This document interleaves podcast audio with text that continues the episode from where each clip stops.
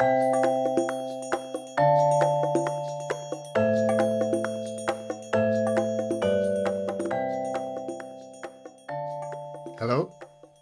Hello. ti'n rhoi'r argaff bod ti'n gwybod beth iawn ti'n neud, bod ti'n sioct bod yn ei gweithio? Fi'n dweud. Fi'n hollol amazed. Fy ti'n meddwl bod fi wedi dod i arfer â hwn erbyn nawr, bydde ti, ond bob tro, fi'n meddwl, oh my god, fi wedi technology dot, mae'n actually gweithio.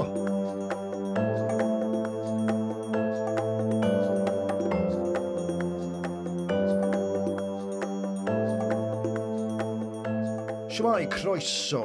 Croeso i'r podlediad cymeriadau Cymru wythnos hon a fy ngwraig gwadd Wel, mae'n mae eistedd mewn nhw gader anferth ar hyn o bryd. Mae rhyw ma tipyn o, o delay, dwi'n meddwl, rhwng y fi'n ateb y cwestiwn, uh, gofyn y cwestiwn, ti'n ateb, so newn ni, newn ni wytio hwnna. Ond Dot Davies, diolch i ti am ddam, sef fi'n gwybod bod ti'n frysur tu hwnt. Um, diolch i ti, siwr i ti gyda gyd? Fi dda iawn, Fi, o do, ti'n fel ti'n gweud bisi, um, fel pawb ar yn y bryd, mae fel bod ni gyd yn dal y lan rhyw ffordd, yn yw e, fel ar ôl bod, ti'n yn gaeedig, yn cael yn cael lawr, mae fel bod bywyd wedi mynd ar ras, wedi, sa'n gwybod, oedd pawb yn meddwl fydden ni'n dysgu rhywbeth yn credu, a fydden ni byth yn mynd oleg, ond ti'n be? Fi'n rhedeg mwy nawr na fi wedi wneud erioed. So sa'n beth sydd wedi digwydd. o, o, well, hwnna'n beth da, mewn ffordd. Ti'n meddwl, sori, o'n i'n neud bach o, bach o ymchwil mewn i ti fel fe fi'n arfer i bob wythnos, wrth gwrs. A, a ti wedi disgrifio'r ei hunan fel mam Cymraes cyflwynydd, ond hefyd upscaler and enthusiastic gardener. Yeah. Mm -hmm. yeah. Oeddi hwnna yeah. E- eriod wedi bod? Ti wedi bod yn enthusiastic gad yr eriod? Neu'r beth weddol newydd? Mae fe'n rhywbeth, o dwi'n dod y canol oed, Chris. Fi'n credu, os eisiau fi gyfaddu yna.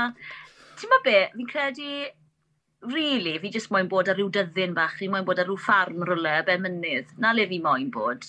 Um, Ond gan bod fi ddim yn gallu gwneud na, tra bod y plant y fi ty beth, da ni, a maen nhw eisiau mynd i ysgol, ti'n ma, maen nhw'n mynd i ysgol ar amser na i gyd. Um, so fi'n potsian, A fi moyn bod cystal yn fam yn yr ardd, os mae mam yn ffantastig, mae popeth mae'n cyffwrdd a mae jyst mor bert, a mae eisiau jyst neud e, mae'n jyst, mae'r gwybodaeth na, ti'n fod. So fi'n trod i, a fi yn, ti'n fod, o dw, ond amser yw e, pan fydd amser dy fi, fydd da fi dahlias perffaith a fyddai'n tyfu'r llysiau i gyd a fyddai'n, ti'n modd, self-sufficient. Ond tan hynny, enthusiastic gardener y dwy. Ond ti'n ti sôn am, am tyfu neu fferm. Nath o ferch ffarm den tyfu lan tu fas i Abertefi. Nath hi eriod feddwl a fyddai hi'n cyflwyno ar dyledu a radio. Oh, good grief na fo. Oedd e'n, na, o'n i, ti'n modd, oedd e'n o'n i byth yn meddwl bod... O'n i wastad yn edrych ar pobl ar teledu a o'n nhw'n... At cyfryngau Cymraeg hefyd, o'n nhw'n, tmod, o'n nhw tu hwnt i unrhyw beth o'n i'n meddwl oedd o fewn yng ngallu, o fewn yng nghyrraedd i, really. O'n i'n gweld neb fel fi ar y teledu, o'n nhw gyd. Um, o'n ddim plant ffarm, roedd fel la. O ddim pobl ffa o ge o'n nghefndir i, o Aberteifi, really. O'n i bai, oedd ti deuluodd fel so ni'n edrych lan at brychan, tyma teulu'r hendre, na fe, tyma pobl fel yna. Ond on, rili, really, oedd neb gyda'n acen ni, rili really, ar, ar gyfryngau Cymraeg. Heb sôn am, heb sôn am wneud unrhyw beth yn Saesneg, sef, ti'n ma, fi'n ni lot o Saesneg, fi ar Radio Wales a pethau. O'n i byth meddwl fydde hwnna o fewn yng ngafel i.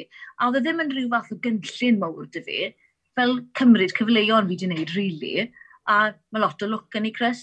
Fi'n fi wastad yn grediniol bod mae eisiau ti fod yn y lle iawn ar amser iawn da'r pobl iawn, a mae lot o nad i digwydd i fi yn yngyrfa i, a mae'r pobl iawn wedi bod yn hwmpas i hefyd yn rhoi'r cyfleoedd na i fi. So mae lot o hynny yn di hefyd.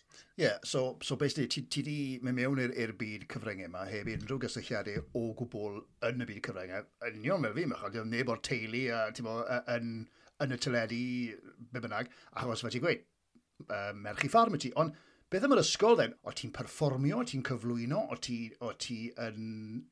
Ti'n meddwl, oedd na rhywbeth yn yr ysgol yn, yn gweud bydde ti yn neud rhywbeth fel yna? Ta'n gwybod, fel o'n i'n...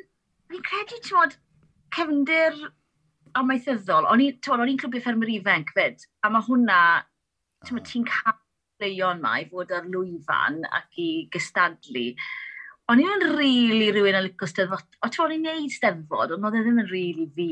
Really. O'n i ddim yn, ti'n o'n i'n neud y canu, y llefaru, a bethau. Ond o'n i'n mynd cyrraedd y sir, falle, os o'n i'n lwcus. Ges i gam, sawl gwaith Ond, on, on, on, on, nes i lot o clyb o ffermwyr ifanc. Felly, o ti'n ni sioia cerdd. a thrawon, ti'n fi'n dod yn ôl at hyn drwy'r amser. So, pan mae thrawon yn rhoi cyfle i ti, maen nhw'n gweld rhywbeth yn o ti. mae dy fi gymaint i ddiolch i ddyn nhw. Ond dy fi brif athro, o, oedd dde'n wych. Oedd e gymaint o ddylanwad yna yn ysgol gynradd. Mae dim ddeol erbyn hyn. Clive Rhys, wel yn oedd e. A oedd e just, ti'n modd, oedd e'n bron yn trin fi fel oedolyn ifanc, ti'n modd, yn gweud, ie, yeah, ti'n modd, dyrai'n neud hwn, ceri, ti'n ateb ffôn yn swyddfa ar ysgol, yn ysgol, ti'n modd.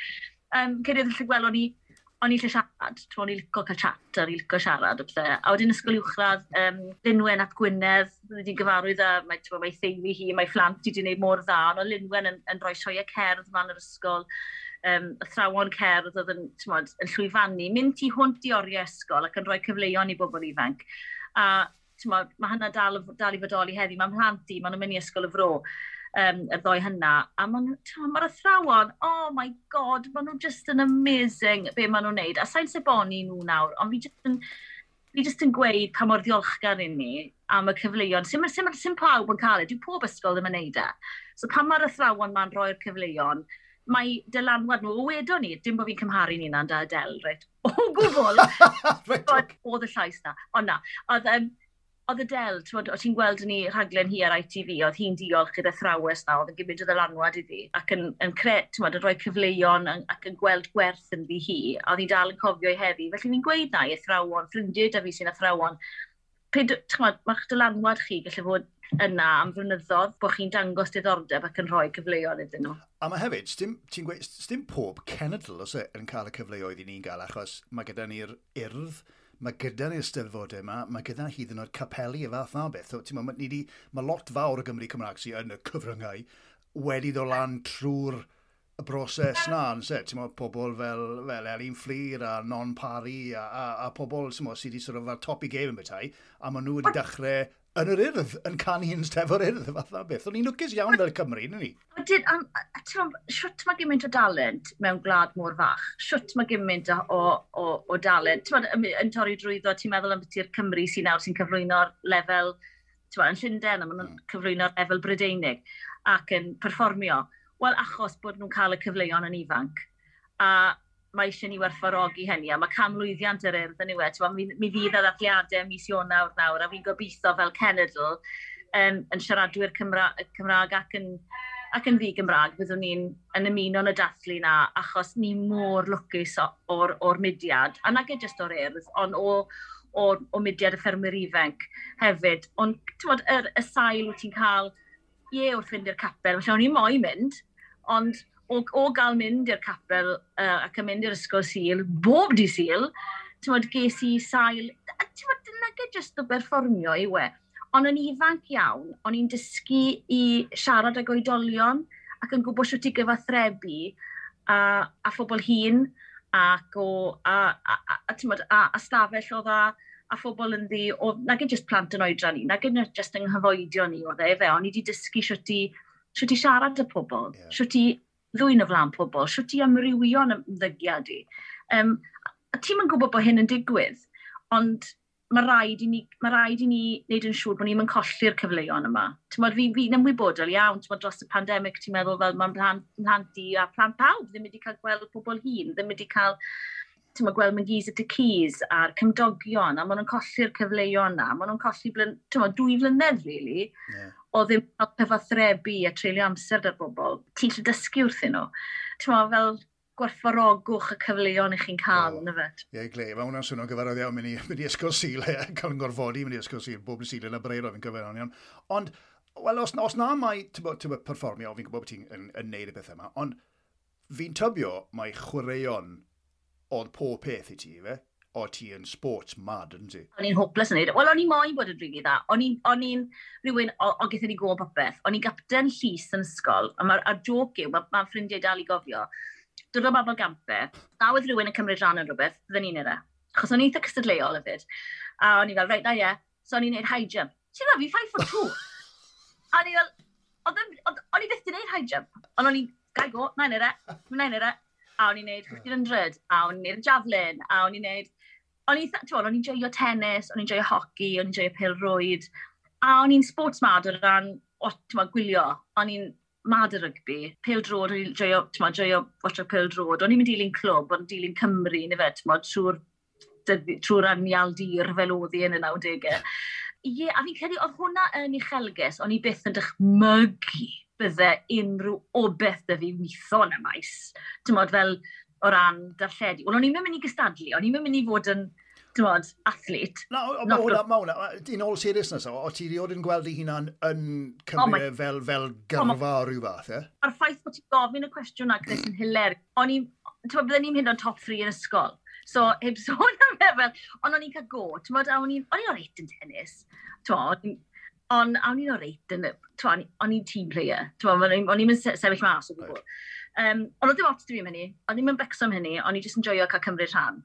A o'n i'n gweld bydd o gymryd rhan, o'n i'n jyst joio bod y ffrindiau fi ac yn cael wneud. Um, fel mae'n plant i nawr, ti'n bod? Um, ond cael gweithio wedyn yn y maes. A doth y cyfle, ti'n bod sefyll sy'n gydydd ar ôl bod coleg, o'n i ddim, on i ddim moyn mynd adre, o'n i ddim moyn mynd nôl i um, Aberteifi, o'n i moyn aros yn y ddinas ar ôl bod... A doth cyfle wedyn um, i fi weithio i gwahanol gwmnioedd teledu. Jyst clywed, oedd rhywun yn gofyn am William Rynner. O, oh, rydde? ti'n rhywbeth i dalu. Basically, na gyd oedd e, oedd arian i fi dalu'r rent a fe mas yn nos, na gyd o'n i'n moyn. Mae hwnna, ysbyn yn ong yna, mae lot o bobl wedi ddechrau fel fel ymchwilwyr neu fel T-boys neu fel runner, ti'n bod, ddechrau ys i fel T-boy. Ond beth yw'r beth, yw peth mae fi'n clywed um, so ti'n um, ymchwilio ar rhaglen, uh, rhaglen Max Boyce? A, a ma, yeah. nath, nath e weid, you're more than a dot to me, you're an exclamation mark. Ah, oh, classic. So, yeah. efe fyna ddechreuais ti?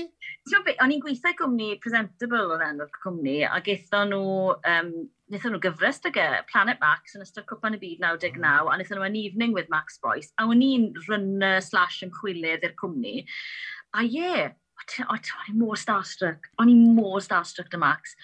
Um, o'n i'n just yn dwlu ar y boi, a oedd e mor ti'n meddwl, hero. Yeah, ti'n meddwl, hollol, ti'n meddwl, mam a dad, Max Boys, ti'n meddwl Max nhw ddod i'r gynulleidfa, achos o'n i'n ymchwilydd. Wel, big time. Twa fel gath mam a dad dod i'r gynulleidfa, a cael pedi gath cod yn y BBC, yr hen BBC yn studio ec un, ti'n A fi oedd, o'n i'n cadw cwmni fe cyn bod yn mynd mlaen.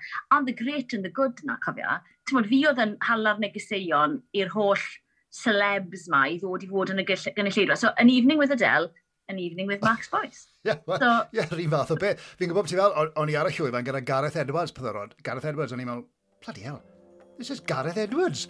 Like, oh. probably the best rugby player of all time, Gareth Edwards. A, a fi wedi cwrdd efo, Max Salgaeth, mae'n mae, e, mae, mae, mae fwy uh, hilarious i fod yn ei gwmni fe, achos mae wastad, wastad y Max Boyce, nhw, really.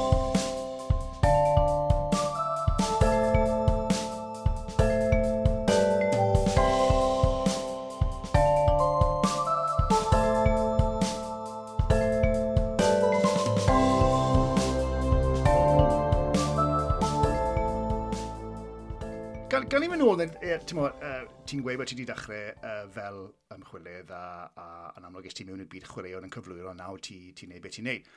Gael ofyn i ti de, a mae hwnna'n bach yn ddadleol, ac a fi'n gofyn i, i, i lot o fynywod sy'n yn y cyfryngau uh, y cwestiwn yma, oeddi wy wedi bod yn anoddach, neu ydy yn fwy o challenge i ti i weithio yn y byd cyfryngau, yn yn yn y byd chwaraeon fel menyw? Um, Reit, crybatef hwn.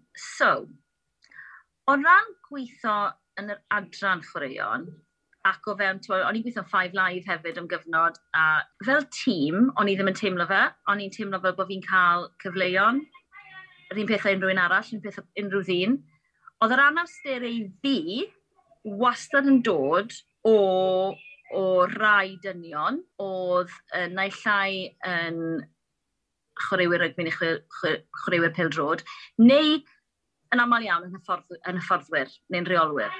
Oh. A um, dyna le o'n i'n cael falle doi beth, really. Oedd e naillai achos bod nhw'n teimlo bod ddim hawl dy fi holi'r cwestiwn, um, achos bod fi a yn fenyw, a bod nhw'n meddwl pwy yw hon i herio fi, a falle achos bod fi ddim wedi chwarae, a nath un hyfforddwr holi fi'n fyw, So o'n nhw wedi cwestiwn iddo fe oedd e ddim yn lico, felly o'n nhw wedi colli. So fi wedi'n really cofio'r gêm, ond holes i'r cwestiwn, oedd yr ystadegau yn englisti cofio, fi wedi fi gwylio'r gêm, fi wedi watcho, fi wedi gwrando, so fi wedi sgwen, fi wedi gwneud nodiadau. Yn hyfyd iawn. okay. Mae'r o'n blaen ni.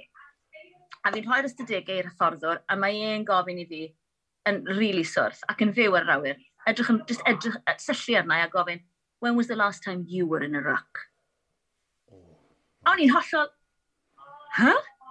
Well, a dy beth dylen ni wedi gweud, probably about the same time you were, pal. But anyway, answer the question for me. Nes i ddim, nath y daflu fi, a nes i just cario ymlaen.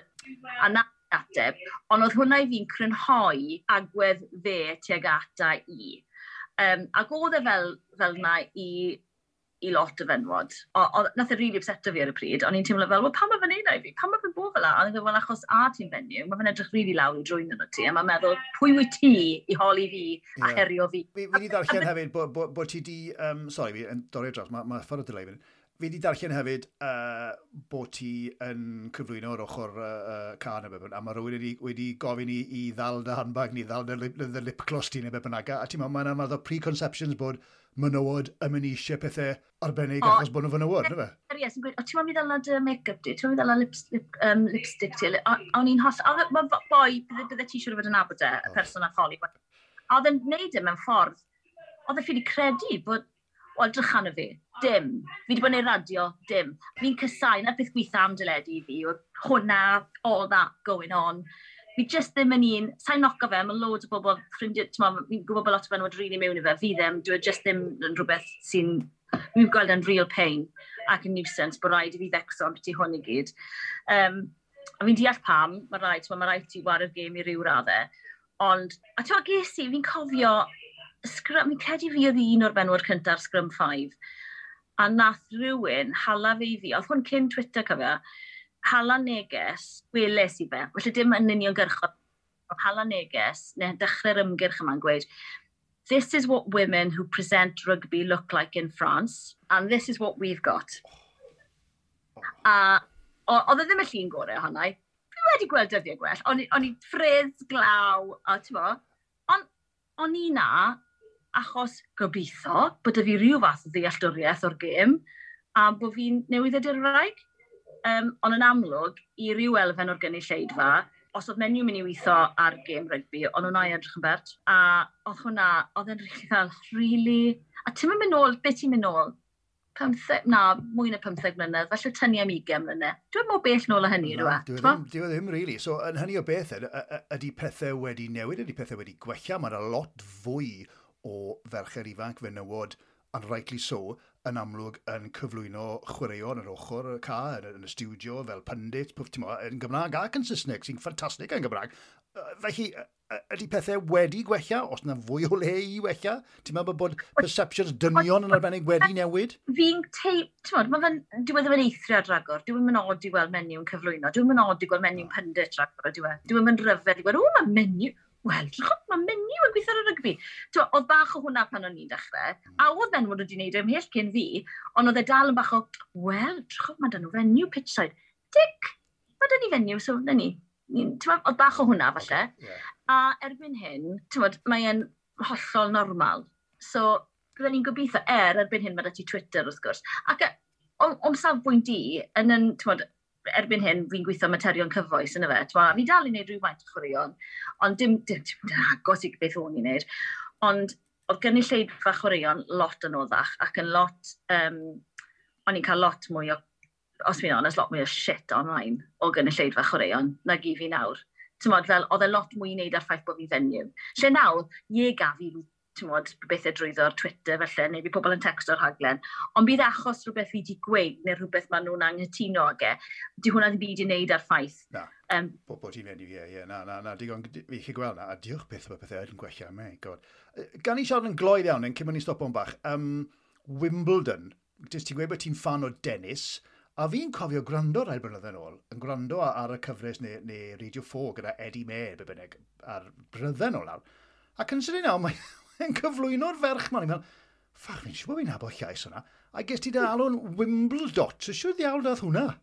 O'n i wedi cael mynd i Wimbledon, yr hollol naif, o'n i wedi gweithio Five Live, o'n i wedi mynd lan i weithio Five Live am gyfnod, pan o'n nhw'n Llundain ar cyn yn nhw symud i Salford, o'n i'n gweithio'r Pil Drod nhw, gweithio rhaglenni nos nhw gyda um, clyf cyfrwymwyr nhw, fel ymchwilydd, a wedyn halon nhw fi mas, i drio fi mas fel gohebydd, a nhw'n oce, okay, i wneud stwff Pil Drod, A wedyn holo nhw, um, holo y golygydd os o'n i'n ffynsioni Wimbledon, o'n i fel, are you serious? Oh yes please, yes I'd love to, thank you very much, thank you very much, thank you very much. So drwy'r i then, see what, you're paying me to do, oh my god, it's a dream come true, thank you, thank you, thank you, thank you. Troi lan i wneud e, hollol convinced, nath e ddim croesi'n feddwl i, byddwn ni, o'n i'n meddwl byddwn ni'n anodd y te, ti'n fel, o'n i ddim yn meddwl bod fi'n mynd i ddarlledu Wimbledon.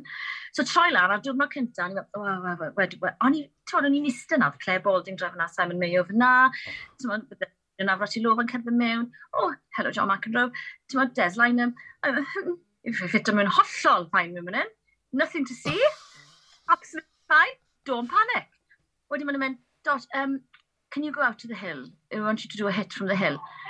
When you say hit from the hill, just want to focus on fans. Me, I'm like, yes, into Simon Mayo's programme. Wel, o'n i'n hollol, sy'n ni wedi cael mwy amser yn cefn ni wedi rhaid y gwant, achos ges i'n amser i ban Nicol Gormod. Ond oedd e'n hollol terrifying. A rhaid mae'n gweithio ti, oedd e fel, mae llun i gael o fi fel yn hollol, mm, oh my god, live me, headphones massive, hill. Um, a fi'n credu oedd yn nof, oedd mae'n ma, ma Wimbledon mor proper, yn yw e, ti'n fel, yeah, yeah. ti'n Strawberry pims. A wedyn wedych chi... Ie, yeah, o, ti, bach o wahanol falle i'r usual... Ie, uh, yeah, oce, okay, fi chi'n gweld na. A, a, a, a eto, fi'n cofio, ti'n mwyn, das ti'n boblogau dros ben o Radio 4 achos pwy i ti, beth i ti, sydd ti'n synio, sydd ti'n edrych, dy acen di, dy ffaith bod ti yn fenyw, bod ti'n hollio wahanol i beth o bobl yn gyfarwydd, I suppose? Ie, yeah, oedd yn, ti'n oedd yn un o'r peth yna le, eto, fel o'n i'n gweud, yr er amser iawn yn y lle iawn, digwydd bod.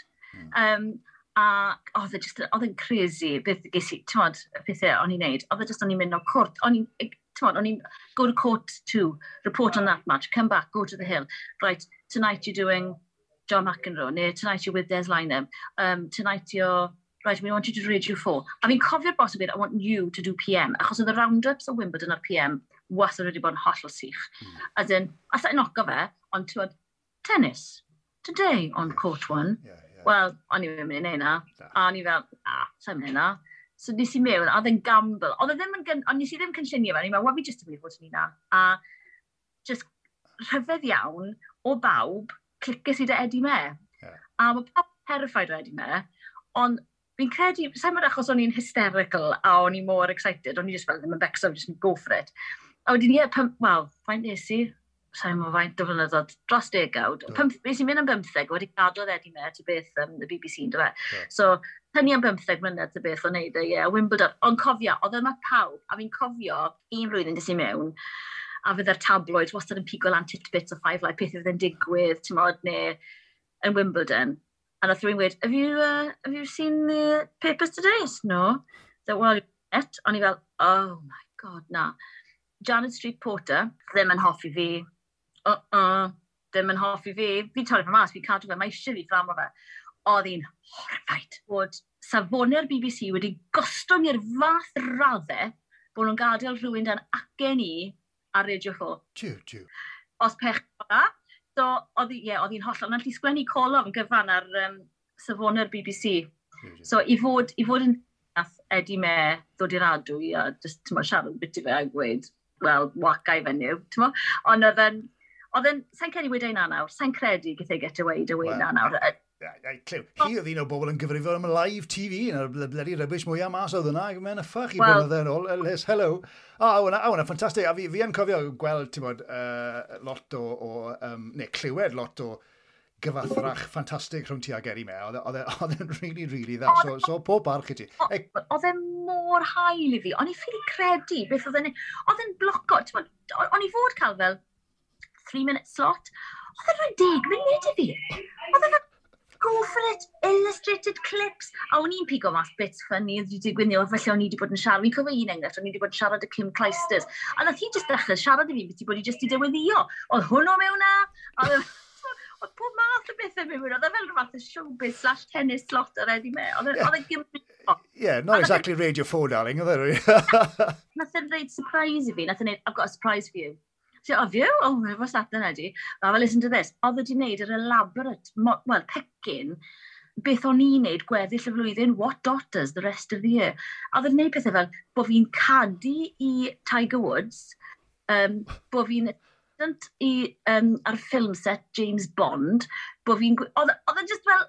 Oedd e mor elaborate. Oedd wedi cael y celebs mae gyd mewn i, i leisio esgus bod nhw'n abo fi a bod nhw'n oh, wow. mor bod nhw mor, bod, bod eu dyled nhw'n, ti'n modd, bod ni yn ei dyled, a bod fi, fi sy'n gyfrifol yn fi gyrfao nhw, o'n i fel, well, thank you very much, Eddie, it's very kind of you. oh, well, oh, well, amazing. Oh, well, fantastic. Oh, diolch oh, ti, fel. Straeon, straeon, blir. Ei, Clyw, cyn i mi ymlaen de, a siarad am bethau bach mwy difrifol, falle bethau yr ochr arall i'r geidog y bethau. Fi'n mynd i springo ar y bethau ti. Fi'n mynd i roi 10 cwestiwn bach i ti. Fi'n mynd i roi 10 quickfire questions i ti. Gedi am y leithus ti eisiau, gedi esbonio pam os ti... I mean, okay, mae cloc yn dechrau nawr, a mae hwn yn rhwydd iawn sy'n ni'n meddwl. Um, rygbi neu pêl droed? O. Oh, oh, O. Pêl droed, ti wedi pêl droed? O, ac Do. Ei, gobeithio bod y gyfoedio nôl yn Aberteifi ddim yn clywed un. Oce, oce. A ni sefyll ymlaen, Gloi, ni sefyll mlaen. Wyt ti'n berson gwydr hanner llawn neu gwydr hanner gwag? Sym dal. Mae'n dibynnu ar y dydd, yw e? O, mae'n dibynnu fan y gloch yw fi. O, you're fucked OK, so yn hynny o beth e, Dot, beth yw dy wendid fwyaf di? Byr y mynedd. O, oh, okay. ti'n gwneud bethau nawr yn syth, ie? O, oh, na dy nawr. A fi'n disgwyl i bobl eraill wneud y nawr fyd. O, oh, reit. Iawn. OK. Um, gwyn gwyn neu gwyn coch? Coch. Cerdded yn y mynyddoedd neu cerdded ar draeth? Oh, traff. Traff. Ie, yeah, oce, okay, oce. Okay. Wyt ti'n berson bore neu berson nos? Fi moyn bod yn berson bore. Sa'i ddim un yn nhw, really. Fi jyst moyn cysgu trwy'r amser, ond fi moyn berson bore. Just moyn cysgu drwy'r amser. Oce, okay. uh, cwn neu cathod? O, Oh, mae hwnna'n evil. O. Oh. O, Oh, mae'r ddoi fi. Yn cwn. Os oes rhaid i fi cwn. Mwy bach bod ti wedi gwneud. Cwn, ie, oce. Rhaid, tywydd poeth neu gwledydd poeth neu gwledydd oer? Gwledydd oer. O ie, ti'n mynd i gwledydd poeth? A fi'n hopeless yn gres. Gyd i oedran fi we, ond mwna stori arall. Wel ie, nawr i siarad ti'n mwyn eiliad. Te neu coffi? O, coffi erbyn hyn, o'n i'n te, fi di newid. Coffi. Oce, okay, oce. Okay. Um, pwy oedd dy childhood crush cynta di? a chi di weid rhywun, ti'n bod ti'n nabod, neu beth o'n i ar ôl oedd rhywun enwog. Ond ffain, ti'n bod, os Tommy bach yn sysa, Charlotte Chris Cyrtad i ddyn ffain, ond... O'n i, os fi, o'n i siarad ti hwn, This is a weird. O'n i'n really licio rygbi, a o'n i'n torri lluniau mas o chwaraewyr, rhoi'n o'r wal fi o papur o beth yma. A o'n i'n hollol, o'n i'n caru Scott Gibbs. O'n i'n caru Scott Gibbs. Er, o'n i'n Scarlett obviously, oedd e ddim. Ond, smart yn hynny, O'n i'n caru Scott Gibbs. Oce, okay, ond erbyn hyn, do, ti'n lwcw rygbi anyway, ti'n lwcw pel droed. O, nen, ni'n sefyll mlaen, nen, ni'n sefyll mlaen. Don, don! Oce, okay, a doi bach arall, mae hwn gwestiwn bach digon twp, rili, ond falle bod yn gweud o Oes na rhywbeth ti'n difaru Oes na rhywbeth ti'n meddwl, o, oh, dam o, Treni sy'n ni wedi wneud hwnna, neu Treni sy'n ni ddim wedi wneud hwnna. Oes na rhywbeth sy'n sefyll mas yn gweud, o, oh, Treni. Fi wedi cadw dywel gormod ac in hindsight, Um, ond mae'n digon rhwydd gweud na, ni anyway. Um, bydde fi nawr ddim yn rhoi land ar pethau rhoi land a pan o'n i'n yn yn ugeiniau. O, oh, o, oh, diddorol. So, so ti'n gweud, so ti'n nawr dde yn neud y cyfweliad yma gyda'r manager pildroed yma? A roi rhan un ti'n, a ti'n meddwl, ti wedi cael bach o profiad bywyd. Bydde ti'n rhoi land o fe, neu... Da ni, da ni na mwy, ond o'n i'n ddiolchgar a credu o gormod o hynny mewn mlaen. O'n i'n ddiolchgar a bod yn dawel a paid neu ffys, paid a cordi'r dyfroedd, paid a, ti'n meddwl, o gormod yn am ymlaen. So, um, ie, yeah, nawr, okay. nawr, ti'n meddwl, fi'n yn credu bydd y merched yn, e- yn yn rôl i yn rhoi land Landiga, e. a fi mor falch o hynny. Ie, yeah, no, no, absolutely, ie. Yeah. A cwestiwn ola, then, um, pryd oedd y tretha nes ti ddawnso? Y gegin! Un barys o'r plant, wrth gwrs! Get the moves! A pawb yn gweud ar un peth. Mae siwr gymryd o bobl yn danso'n y bloody gegin, mae'n anhygoel. Always. Oh. Gred. O, oh, good. Oce, okay, wel, diolch ti'n mynd. Ti'n bod, maen ma nhw'n gwestiynau bach digon dwl weithiau, o, mae'n adrodd cyfrolau am bod sy'n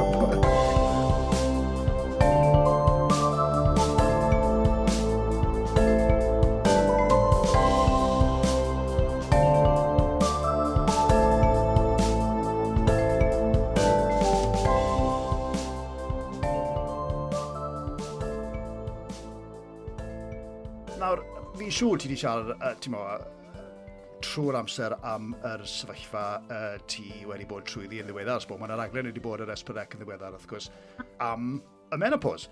Nawr, nes ti ddweud, fydde ti, fydde ti byth yn mynd ar gamra uh, mewn swimsuit, gyda'r dy wall cwrls, a siarad am y menopause, ond ar union beth nes ti.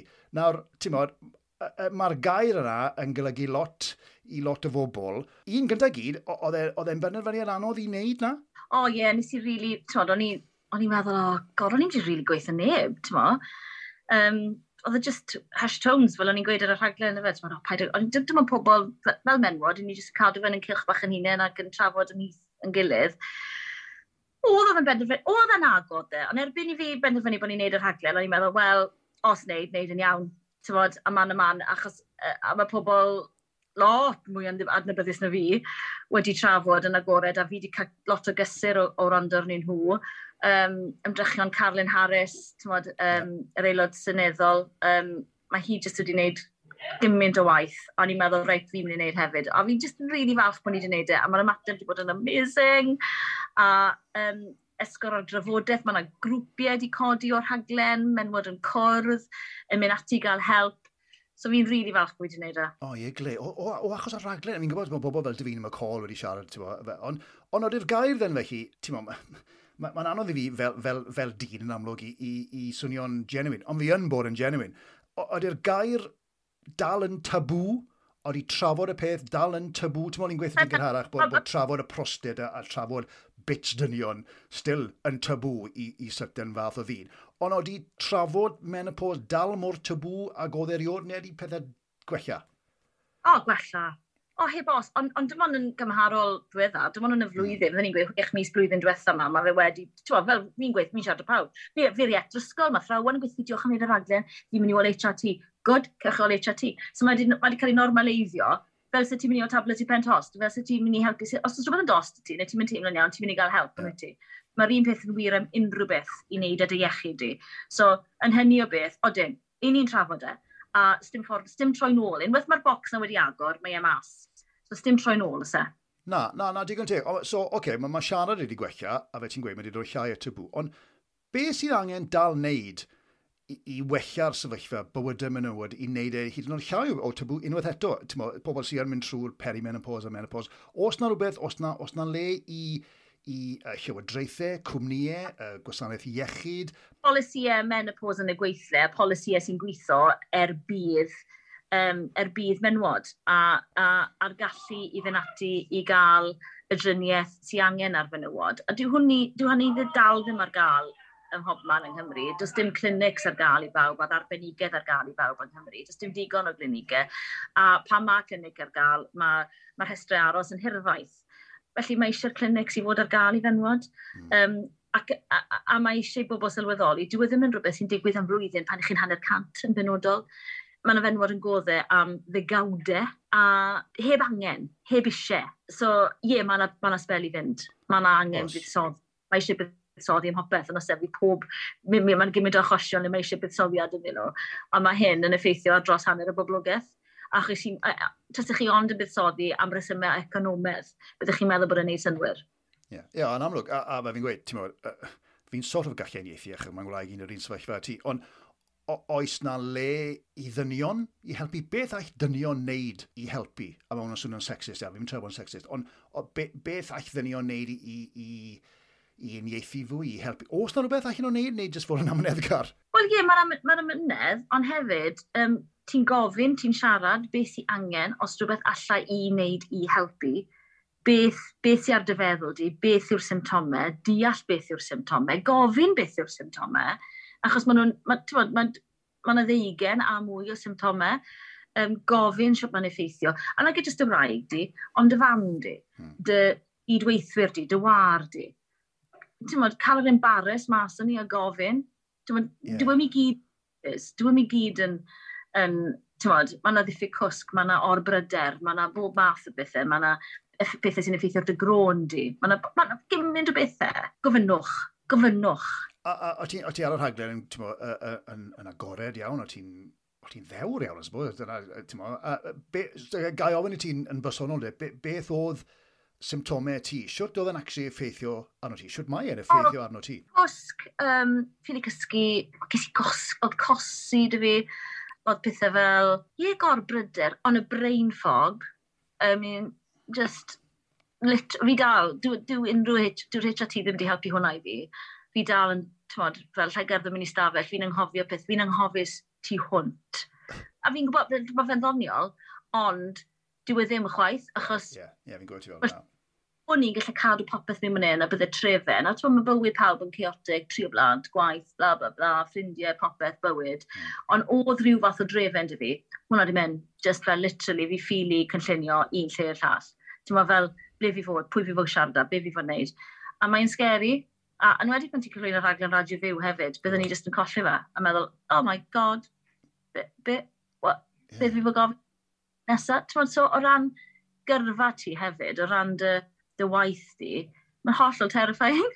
Siwr y ti yn ymdopi gyda'r rhaglen fyw? Cynhyrchu da. Siarad â hi, hi'n deall, hi'n back-up i fi mewn cyfweliadau mawr. So byddwn ni'n, tyfod, os byddai'r prif weinidog yn dymlaen, neu bydde'r gweinidog addysg, gweinidog iechyd, a mae dyti gyfweliadau mawr, mae eisiau ti ddeall polisiau, mae eisiau ti ddeall tymod, beth sy'n digwydd nawr, beth mae'r sôn so wedi gweud, beth mae rhywun arall wedi dweud.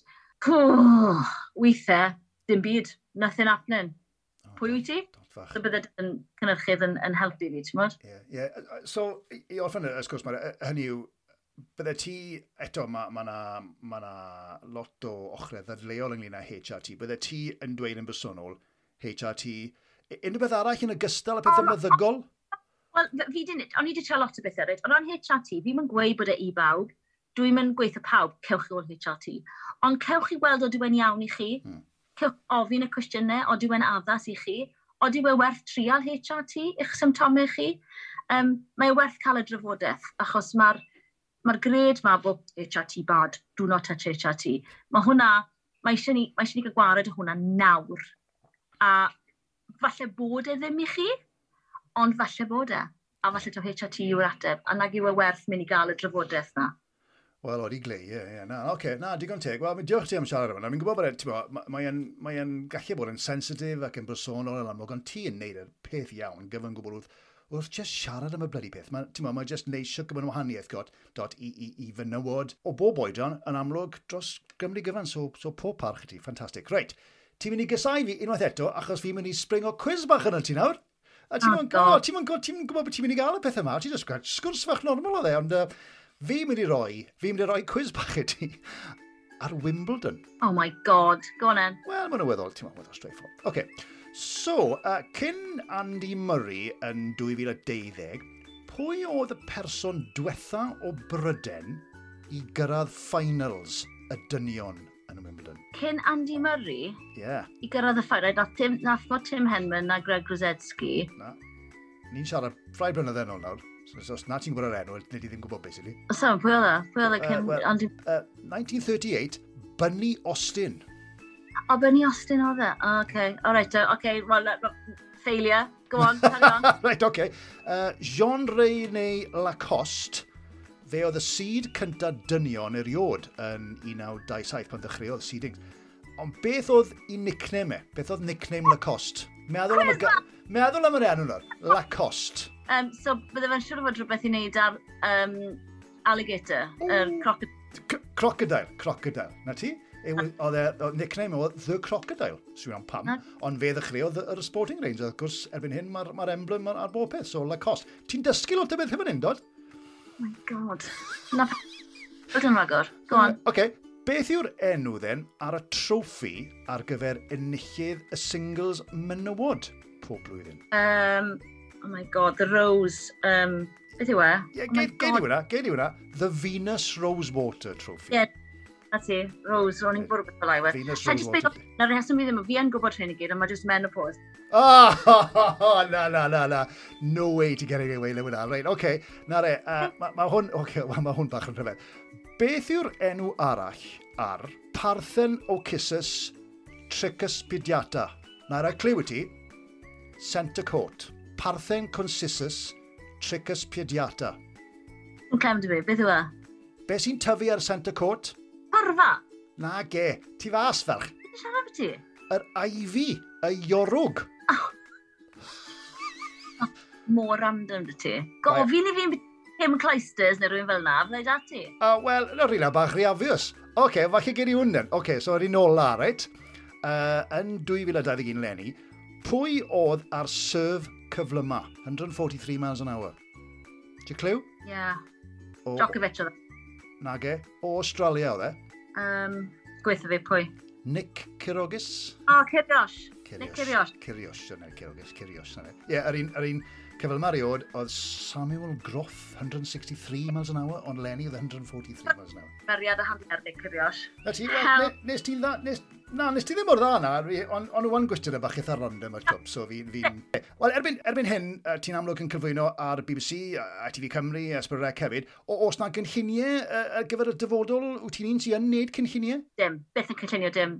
Fi just yn... Um, Sa'i beth wedi, really. Fi'n credu bod fi sa'i ma, sa'i credu bod ti'n gallu cynllunio wyt ti. Mae pethau newid, a mae pobl yn newid, a mae, ti'n ma, ma diwydiant ni, o, hmm. oh, yeah. pobl yn newid. Um, Tell me about it. Bloody diel. Wel, ar ddiwedd y dydd, fi'n meddwl bod ti wedi ffindo'r le yn Radio Wales, achos ti'n ti, ti, ti siarad â bobl, a gyda pob parch, fi'n meddwl bod ti'n offi siarad yn ti. Ti'n offi, ti offi clonca, ti'n offi siarad â phobl o bob lliw o hun. Mae fe'n ffito mewn i to, fel y plant y pethau fi fyd, bod, mae hwnna'n flaenoriaeth mowr i fi. Fel, to, mae fi'n mae'n anodd cael balans, mae pawb yn trio cael y balans yn un o'r teulu a to. Swn ni moyn byd weithio'n Llundain, fydden ni wedi mynd i weithio'n Llundain, fydden ni, wedi aros yn Llundain, fydden ni wedi aros na. Ond o'n i moyn bod adre, fi moyn cael y plant fan hyn, fi moyn bod yna i nhw. So mae'r patrwm bywyd da fi'r hyn o bryd, mae'n ni'n gweithio. Mae'n juggle, ond mae'n gweithio. Ti'n Ni'n dibennau. Good. Right. Well, diolch yn fawr iawn ti, fi'n gwybod bod ti'n frysur y diawl, so na i ti fynd, diolch yn galon i ti a, am, am bob peth. Un peth arall, ti'n mynd ar yr ynys golledig yma am rhyw bythefnos, beth yw'r un peth yw ti'n mynd i mynd gyda ti? Mae rhaid ti gael un peth, mae rhaid ti gael yr un peth yma. Be? Electric na, mae rhaid i gael straighteners. Na, gos, dim electric i gael na, sy'n plugs yna. Dim yna crisps dy fi. Crisps? Ie!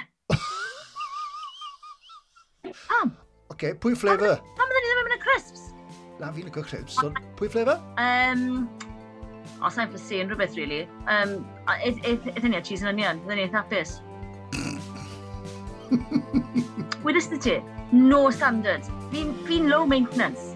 Low maintenance. Sounds good to me, Dot. Sounds good to me. Diolch ti, Chris.